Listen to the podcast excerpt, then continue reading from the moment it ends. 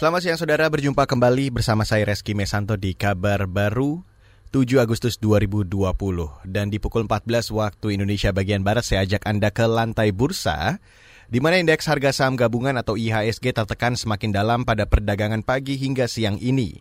Dibandingkan perdagangan pagi yang dibuka di posisi 5.178, indeks siang ini turun 54 poin atau anjlok 1 persen ke posisi 5.123. Indeks bahkan sempat menyentuh angka terendah harian di posisi 5.119. Pelemahan saham merata di hampir semua sektor baik perbankan, konsumer, properti hingga mayoritas saham konstruksi dan energi. Di antaranya saham Bank Mandiri melemah 2,6 persen, Indofood Sukses Makmur turun 2,49 persen, dan saham PT Indosemen Tunggal Prakarsa melemah 3,4 persen. Sementara itu saham yang menguat antara lain PT Ace Hardware Indonesia, United Tractors, TBK, dan Astra Agro Lestari. Sementara indeks LQ45 anjlok 1,3 persen ke posisi 800,472. Pelemahan juga terjadi di mayoritas bursa saham utama Asia, di mana penurunan terendah terjadi di indeks Hang Seng Hong Kong sebesar 1,6 persen. Tekanan juga terjadi pada mata uang rupiah yang turun 0,69 persen ke posisi 14.645 rupiah per satu dolar Amerika Serikat. Kita beralih ke informasi selanjutnya. Pilkada di kota Balikpapan, Kalimantan Timur tahun ini kemungkinan besar hanya diikuti satu pasangan calon. Saat ini, baru satu pasangan bakal calon yang didaftarkan ke KPU Balikpapan. Pasangan Rahmat Masud dan Tohari Aziz diusung hampir semua partai. Sebagian warga tak sepakat jika hanya satu pasangan calon, sehingga kini mulai ramai kampanye kota kosong, termasuk di media sosial.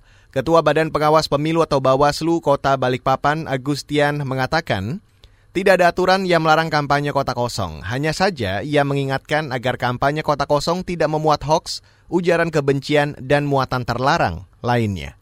Ketika nanti terjadinya satu pasangan calon, bagaimana nanti metode kampanyenya gitu? Apakah uh, masyarakat uh, diperbolehkan untuk mengkampanyekan kota kosong? Memang kalau kita lihat uh, di di PKPU sendiri juga memang itu uh, belum diatur secara detail. Artinya sejauh ini menurut kami itu sah-sah saja masyarakat mengkampanyekan kota kosong.